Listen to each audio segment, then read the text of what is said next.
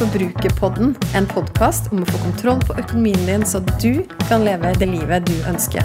Jeg heter Kjersti Grønseth, er trebarnsmor og økonom, og er kanskje aller best kjent som forbrukerfrue. La oss snakke litt om forbruk, for alt starter med det.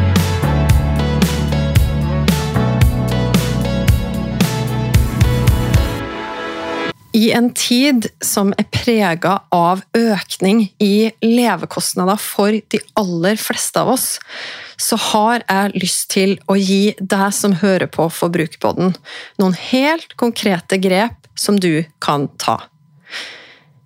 Du har sikkert fått med deg at denne uka her så har det igjen vært ny strømrekord, denne gangen i Sørvest-Norge. Og når den episoden her spilles inn, så var det mandag mellom klokka 18 og 19 en strømpris som var på 8,22 kroner per kilowattime, ifølge strømbørsen Nordpol. Og så skrev nrk.no om at med moms så vil den prisen da være på 10 kroner. Og at snittprisen i landet lå på 3,64 kroner, og det er 2,92 kroner høyere enn samme dag i fjor. Vanligvis på sommeren og litt utover høsten så er vi jo vant med lave strømpriser, men nå er det altså nye strømrekorder atter en gang. Det som er oppmuntrende midt i det, er at nrk.no skrev også på lørdag at finansminister Vedum lover strømstøtte i hele 2023. Det er ikke vedtatt ennå, men han har også kommet med et strømløfte. At man skal ha en type sikringsordning sånn som man har i dag, også neste år, og lengre enn til mars 2023. Så for deg som ikke hadde fått med deg den nyheten, nå har du altså fått den. Og nå i år, fra 1.9, så dekker staten 90% av regninga di når strømprisen går over 70 øre per kilowattime. Så der har du den. Et lite lysglimt der altså i rekordhøye strømpriser for tida. En annen ting er jo at du nå mest sannsynlig i løpet av ganske kort tid, kanskje har du fått det allerede, en melding fra banken din, du som har boliglån, om at renta vil bli satt opp.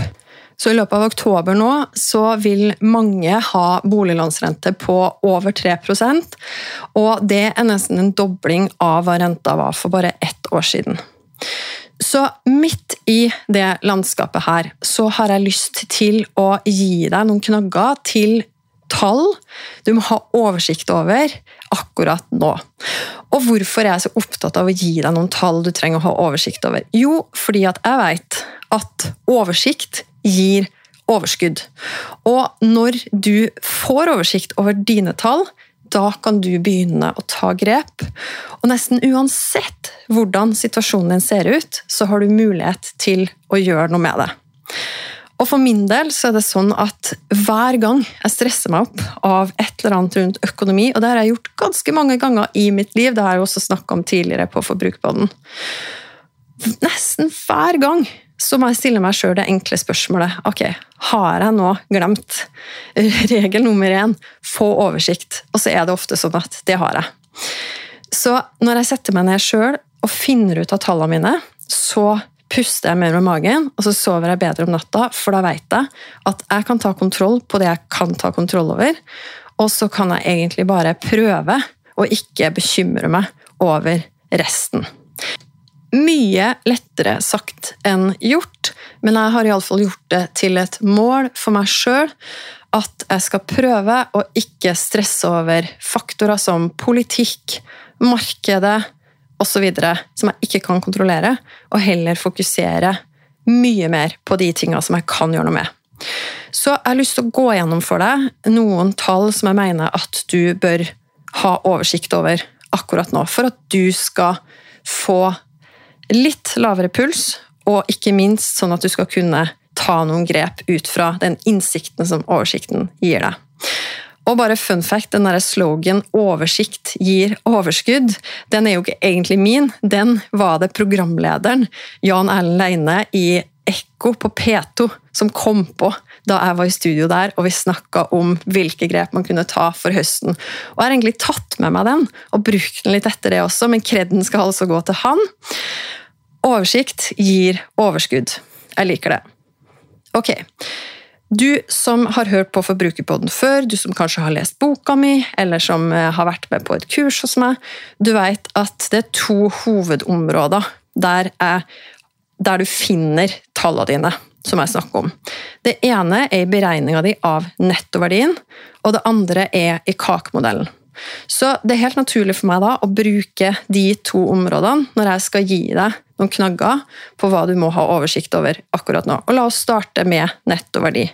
Kjapt, bare for å repetere hva det vil si. Nettoverdien det betyr verdien av alt du eier, minus alt du har i gjeld. Så det betyr i teorien, da, hvor mye ville du sitte igjen med hvis du hadde solgt alt du eide for å betale ned all gjeld? Mest sannsynlig er ikke det så veldig realistisk scenario, så derfor så er nettoverdi ikke noe godt mål på hva du har å rutte med i måneden, f.eks. Eller i året, for den del. Men nettoverdien den forteller deg noe om verdien av det du eier, minus det du har i gjeld, altså hvor sunn er økonomien din. Fordi det er sånn at Hvis nettoverdien din er negativ, så betyr det jo at du har mer gjeld enn det du har i eiendeler.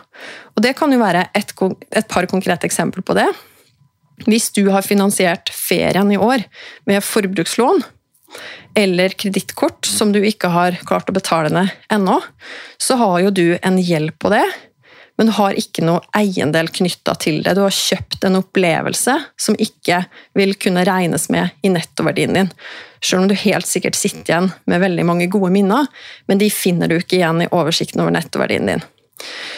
Samme eksempel hvis du har kjøpt en bil og tatt opp et ganske høyt lån for å finansiere den, og den bilen vet vi å synke ganske raskt i verdi. Hvis du har en, en relativt lang horisont på det lånet, da, så kan det hende at akkurat nå så har du mer lån på den bilen enn det den er verdt. Det vil også gi deg isolert sett da, en negativ nettoverdi.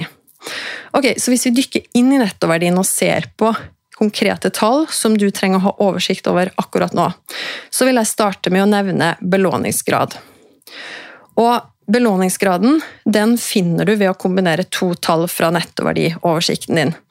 Det er nemlig boligverdien din, og det er hva du har i boliggjeld. Og hvis du tar boliglånet ditt, gjelda di, delt på boligverdien, så vil du få belåningsgraden. Og hva er det den forteller deg? Jo, den forteller jo deg hvor mye av boligen din som er nettopp belånt. Og hvorfor er den viktig? Den er viktig bl.a. når du skal kunne forhandle om bedre rentebetingelser. Det er to måter å gjøre noe med belåningsgraden din på. Det er fordi at det regnestykket består jo av to faktorer. Så det ene er jo boligverdi, det andre er gjelda di.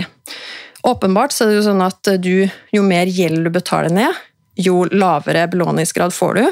Men det er også sånn at jo høyere verdivurdering du har av boligen din, jo lavere belåningsgrad får du. Så første oppfordring her regn ut belåningsgraden din, og så sjekker du ut kanskje aller først om du har en oppdatert verdivurdering av boligen din. Og hvis det er lenge siden du har fått en vurdering av den, så er det ganske enkelt å be om en uforpliktende verdivurdering fra en eiendomsmegler.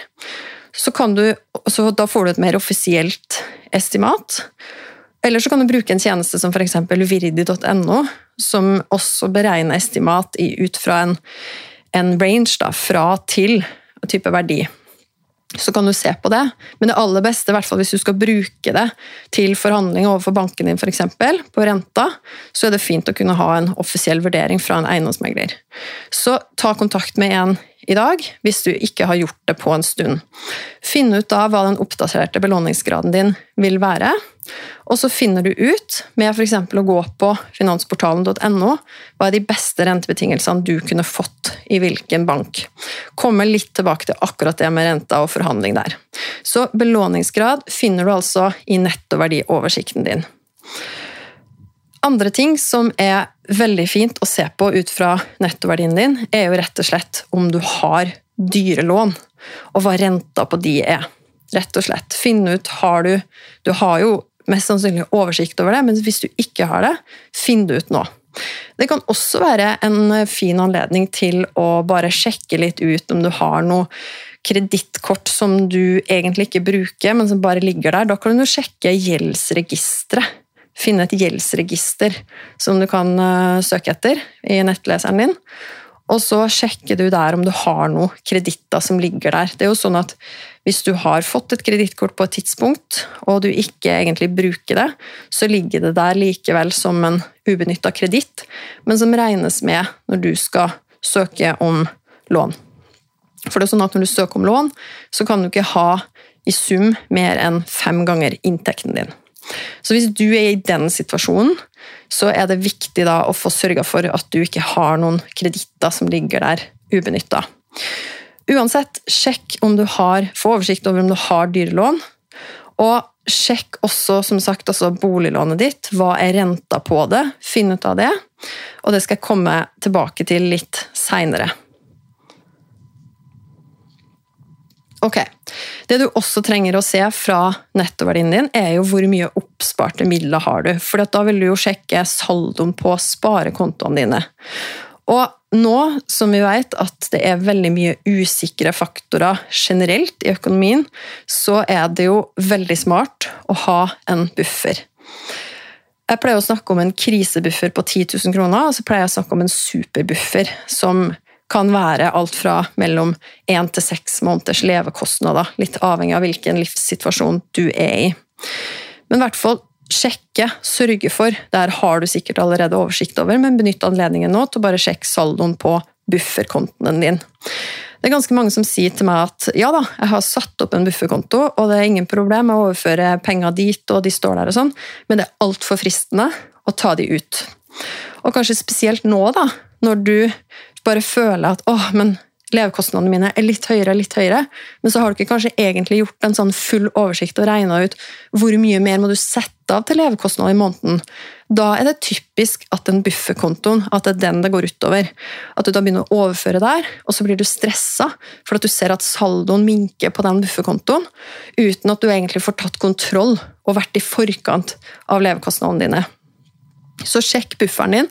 Og den enkleste måten hvis du har tenkt å, å la bufferen stå da, akkurat nå, det er jo å opprette en sparekonto i en annen bank, som ikke er den du bruker for å håndtere levekostnadene dine og andre ting. lønna og sånn. Men bare opprette en konto. Da gjør den jo den litt mindre tilgjengelig for deg. Eller så kan du også bare skjule den i nettbanken din, men da er den jo der, så da er det jo teknisk sett mye lettere å overføre fra den. da. Så det aller beste hvis du ønsker nå å la bufferen din stå i fred, for den skal jo brukes til virkelig de store tinga som skjer. Uforutsette utgifter, uventa nedgang i inntekt osv. Jeg mener at bufferen i utgangspunktet, superbufferen din, ikke skal brukes til å dekke levekostnader. Og hvordan kan jeg si det? Kanskje blir du provosert av, at jeg sier noe sånt. At du tenker at åh, men da kjenner ikke du min situasjon. For det er faktisk helt avhengig av å ta fra den bufferen nå. Det kan godt hende at du altså ganske sikkert har levekostnadene dine økt i det siste. Men det jeg er mye mer fan av enn å bare på en måte ta av en buffer måned for måned nå, det er at du får ordentlig oversikt over levekostnadene dine. Egentlig så er jeg fan av å få ordentlig oversikt over hele økonomien din, sånn at du kan planlegge og være i forkant. og gjøre noen prioriteringer. For det er det som skjer. Når noen ting i budsjettet øker, så er andre ting nødt til å gå ned. Hvis du da ikke skal tære på midler som du har spart opp. Men det er jo penger du har jobba hardt for å sette av til et eget formål, nemlig buffer. Som skal sikre deg mot eh, mindre og større ting og kriser som oppstår i økonomien din. Jeg mener da at du bør heller planlegge og prioritere det sånn at det månedlige budsjettet ditt ikke er lagt opp sånn at du må spise av bufferen. Ok, Nå kan det være gode grunner akkurat nå da, til å lage seg noen flere buffere. Og det, Kanskje blir du svett med en gang og tenker at åh, men er det ikke nok med måte den superbufferen, eller kanskje jeg ikke har den engang. Er det ikke nok med den krisebufferen? Åh, det var, det var en stretch for meg bare å, å få opp den. på en måte. Så er det jo sånn at du som har boliglån, det kan være veldig gode grunner nå til å lage deg en egen rentebuffer.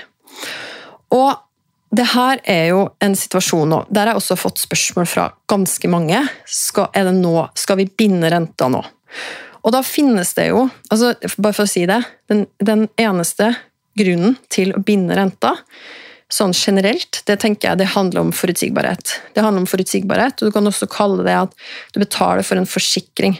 For at du skal vite at du trenger ikke å stresse når renta går opp, for at du vet at du har allerede regna på og fått en fast rente. Det er jo det det betyr. At nå vet du hva du skal betale da, de tre, fem, ti neste åra, avhengig av hva du har valgt. Hvis du da har tenkt at åh, men jeg vil ha forutsigbare utgifter, så har du funnet din grunn til å ha fastrente. Ok, så det, det er grunnen. Det er litt sånn eh, Generelt sett så har det vel sjelden lønt seg, sånn økonomisk sett, å ha fastrente, men det handler altså om, først og fremst, i hvert fall, å skaffe deg forutsigbarhet, og du kan se på det som en forsikring mot da, usikre tider. Det som er et helt klart alternativ til den fastrenta, det er å lage din egen fastrente. Jeg husker Første gangen jeg leste om det, var i boka til Hallgeir Kvatsheim. Jeg tror den heter 'Din økonomi fra A til Å'. eller noe sånt. Der fikk jeg øynene opp for det første gang. Da snakka han om å lage din egen fastrente, og jeg var litt sånn åh, oh, wow, det her er smart. Og Han snakka da om at man kan jo, hvis du jeg sjekka fastrenta nå, da, i, en, i en, eh, den banken jeg har. På ti år så er den nå på 4,2 jeg har sjøl akkurat nå et, um, en flytende rente på deler av lånet. Jeg har jo bundet, det har jeg jo også snakka om før, jeg har jo allerede for noen år siden bundet renta på deler av lånet, og så er det flytende rente på deler av lånet. Så den flytende renta som jeg har akkurat nå, den er 2,5% Fastrenta, ti år, hvis jeg skulle vært å bunde nå, den siste delen av lånet, 4,2 hvis jeg da i stedet for å binde renta, hadde satt av og regna ut ok, 4,2% da ville jeg betalt så mye i måneden. Ok, Men i dag 2,5% så betaler jeg så mye i måneden. Og når jeg da regner ut forskjellen på det, og det er ikke sånn kjempekomplisert regnestykke heller, så kan jeg sette av det i en type rentebuffer. Og da har jeg egentlig lagd på mange måter min egen fastrente, som jeg da kan bruke til å altså Enten så kan jeg jo ha de pengene stående på en konto, sånn at jeg kan betale, være forberedt da, når, når den flytende renta går over 4,2. Da vil jeg jo trenge på en måte å ta fra den rentebufferen, for da har jeg jo ikke mer penger å sette av igjen.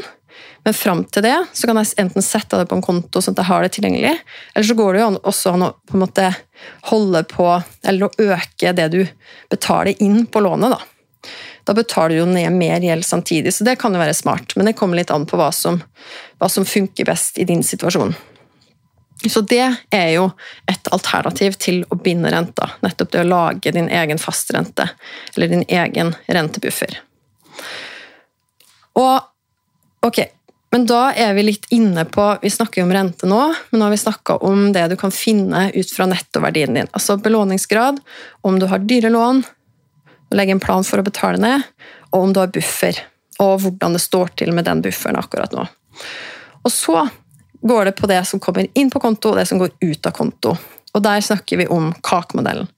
Og du som har hørt på Forbrukerpodden før, du har hørt meg snakke om at jeg deler inn eller først så ser jeg for meg at den månedlige inntekten den er det du får inn på konto, det er hele kaka di. Se for deg en rund kake, hele kaka det du får inn på konto en måned. Og så deler du den inn i fem kakestykker som representerer prioriteringene som du gjør fra måned til måned. Og de fem kakestykkene de er sikre, leve, nyte, drømme og gi. Så jeg mener at det er alltid en god idé når det skjer endringer i økonomien din, å få en fornya oversikt over hva er prioriteringene mine akkurat nå.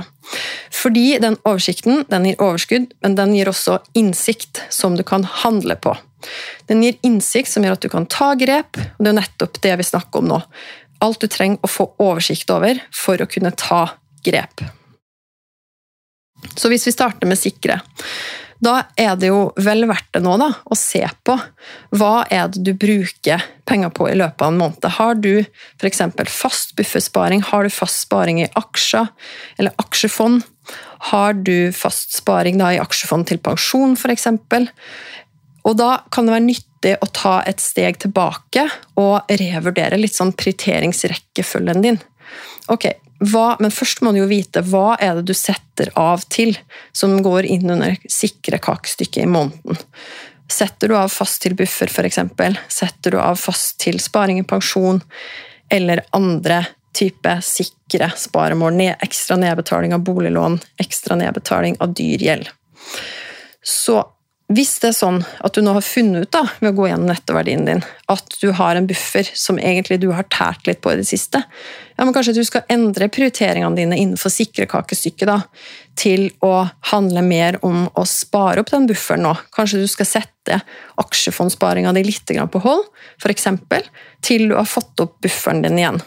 Det kan jo være kjedelig, men samtidig vil du takke deg sjøl for det den dagen du virkelig trenger bufferen. Så det er utgangspunktet det jeg vil at du skal følge med på innenfor sikre. Og så var det en ting apropos det med sparing i aksjefond, som jeg ikke nevnte når jeg snakka om nettoverdi. Men den verdien av aksjefondsparinga di, den vil du også regne med i nettoverdien. Og det jeg ville si om det, er at det er kanskje noe du ikke bør følge så veldig aktivt med på. Nettopp verdien av aksjefondsparinga di. Og hvorfor det? Jo, fordi mest sannsynlig så har jo du lagt en langsiktig plan på de investeringene som du gjør der. Minst fem til ti år for at det skal kunne altså Sånn som det har vært historisk, selv om historisk avkastning ikke er noen garanti for framtidig, så er det likevel sånn at historisk så har det da lønt seg å spare i aksjefond, investere, framfor å ha pengene i banken. Og Hvis du da har et fem til ti års perspektiv, så har du et tidsperspektiv som passer med den høyrisikoen det er å investere i aksjefond. Og jeg tenkte bare skulle gi deg et konkret eksempel på hovedindeksen på Oslo Børs. og De tallene her fant jeg på E24 sine børssider. Og Et eksempel på hvorfor du ikke bør følge så veldig aktivt med. Dette er et tall som du ikke bør følge med på. Det er nemlig verdien av aksjefondinvesteringene dine. Fordi Forrige fredag så endte da hovedindeksen på Oslo Børs ned 0,41% Så altså negativ avkastning. Og hvis du da ser bare én måned, den siste måneden, så er det en økning på 6,13% i den hovedindeksen. De siste seks månedene økning på 7,61.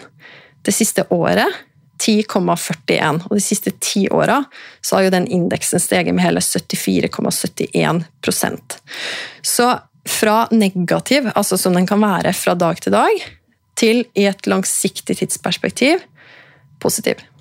Så det var et eksempel på et tall som du ikke trenger å følge så veldig aktivt med på. Det kan jo være fristende, særlig hvis du har aksjefond og aksjesparekonto i nettbanken. Så vil du jo mest sannsynlig også hver gang du går inn i nettbanken se se verdiene av det. Men prøv å ikke se på det, og i hvert fall ikke bli stressa hvis du ser at det har gått ned fra én dag til neste. Fordi det skal bare minne deg om at du skal ha et langt nok tidsperspektiv. Ok, Så tilbake til kakemodellen og neste kakestykke etter sikre, som er leve. Og Vi snakka en del i sted om rente. Og det er jo sånn Nå at nå kom det jo en dobbel renteheving fra Norges Bank i august som da vil ha effekt på lånet ditt hvis banken gir deg varsel om å sette opp renta, og du kanskje allerede har fått det, så vil du muligens da få en økning tilsvarende, en halv prosent, i oktober. Og tilsvarende neste rentemøte, som da er i oktober, vil da også mest sannsynlig medføre en dobbel renteheving, som igjen kan medføre det samme økningen da på ditt lån, la oss si fra desember eller januar. Så der er det jo smart, og da når du har Du har jo allerede regna ut belåningsgraden din, og du har gått på finansportalen.no for å sjekke hvilke banker som vil kunne gi deg gunstigst rente. Neste er jo da selvfølgelig å ta kontakt med din egen bank først. og Mange av dere har gjort det her allerede, men jeg vil bare nevne det fordi det er som regel erfaringsmessig noen som ikke har gjort det ennå, som også er lyttere av Forbrukerpodden. Så jeg nevner det igjen. Og da handler det om å ta kontakt med din egen bank for å gi din bank en sjanse. Match det tilbudet som du kunne fått hos en annen bank. Eller så kan du da vurdere å bytte bank hvis det er store differanser. Så sørg for at du nå, sjøl om renta nå er forventa å stige, at du har de beste rentebetingelsene som du kan få i din situasjon. Så vær på, og vær proaktiv også nå. Det neste som jeg vil at du skal få oversikt over, det er hvor mye du bruker på mat akkurat nå. Og Det er kanskje ikke den gøyeste oppgaven i verden, å følge med på sitt eget matbudsjett. Og Hvis du hørte på forrige episode av Forbrukerpodden, hvor jeg snakka om at det gir jo mening i perioder å dykke ordentlig inn i noe, så finne noen steg og noen grep du skal ta, og så løfte blikket og så roe seg litt på å ikke holde på hele veien og følge med, for da tror jeg at det med å følge opp sin egen personlige økonomi fort kan bli mer en byrde enn at det er en kilde til økonomisk selvtillit og overskudd. Så, men det er verdt det å finne ut hvor mye bruker du på mat akkurat nå, hvis det er lenge siden du har gjort det. Og så er det også i neste steg da, nyttig å sette deg et mål på hvor mye du ønsker å bruke. Og Her kommer vi jo tilbake til den sammenhengen med at forskjellen på at du føler og erfarer at levekostnadene øker gjennom at du f.eks. må tære fra bufferen din fra måned til måned nå. Forskjellen eller det er det ene scenarioet, mot det å da ha satt deg ned og funnet ut hvor mye bruker jeg på alle mine levekostnader akkurat nå. Hvis det viser seg at de generelt sett er 1000, et par tusen, jeg vet ikke, høyere enn de var sist gang du tok oversikten, så er det jo sånn at hvis da du ser at du generelt nå bruker 1000 kroner mer i måneden på mat, så av ulike årsaker, da, så er det sånn at enten må du da jobbe for å få ned så du kommer deg ned til et nivå som passer bedre med de andre levekostnadene dine, og også det, alt det andre i kaka di som du skal bruke penger på. Eller så er det sånn at du må ta den tusenlappen fra et annet sted. Og det er jo det som er så kraftig med kakemodellen.